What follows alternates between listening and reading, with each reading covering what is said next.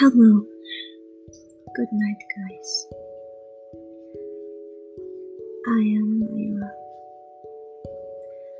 And I'm 20 years old. I started this podcast in the middle of the night when it rained. I hope that in the future my voice will accompany you. Yeah. How about your day tomorrow? It will be fun. Trust me. But if not, so you have to pretend to be happy. You must happy.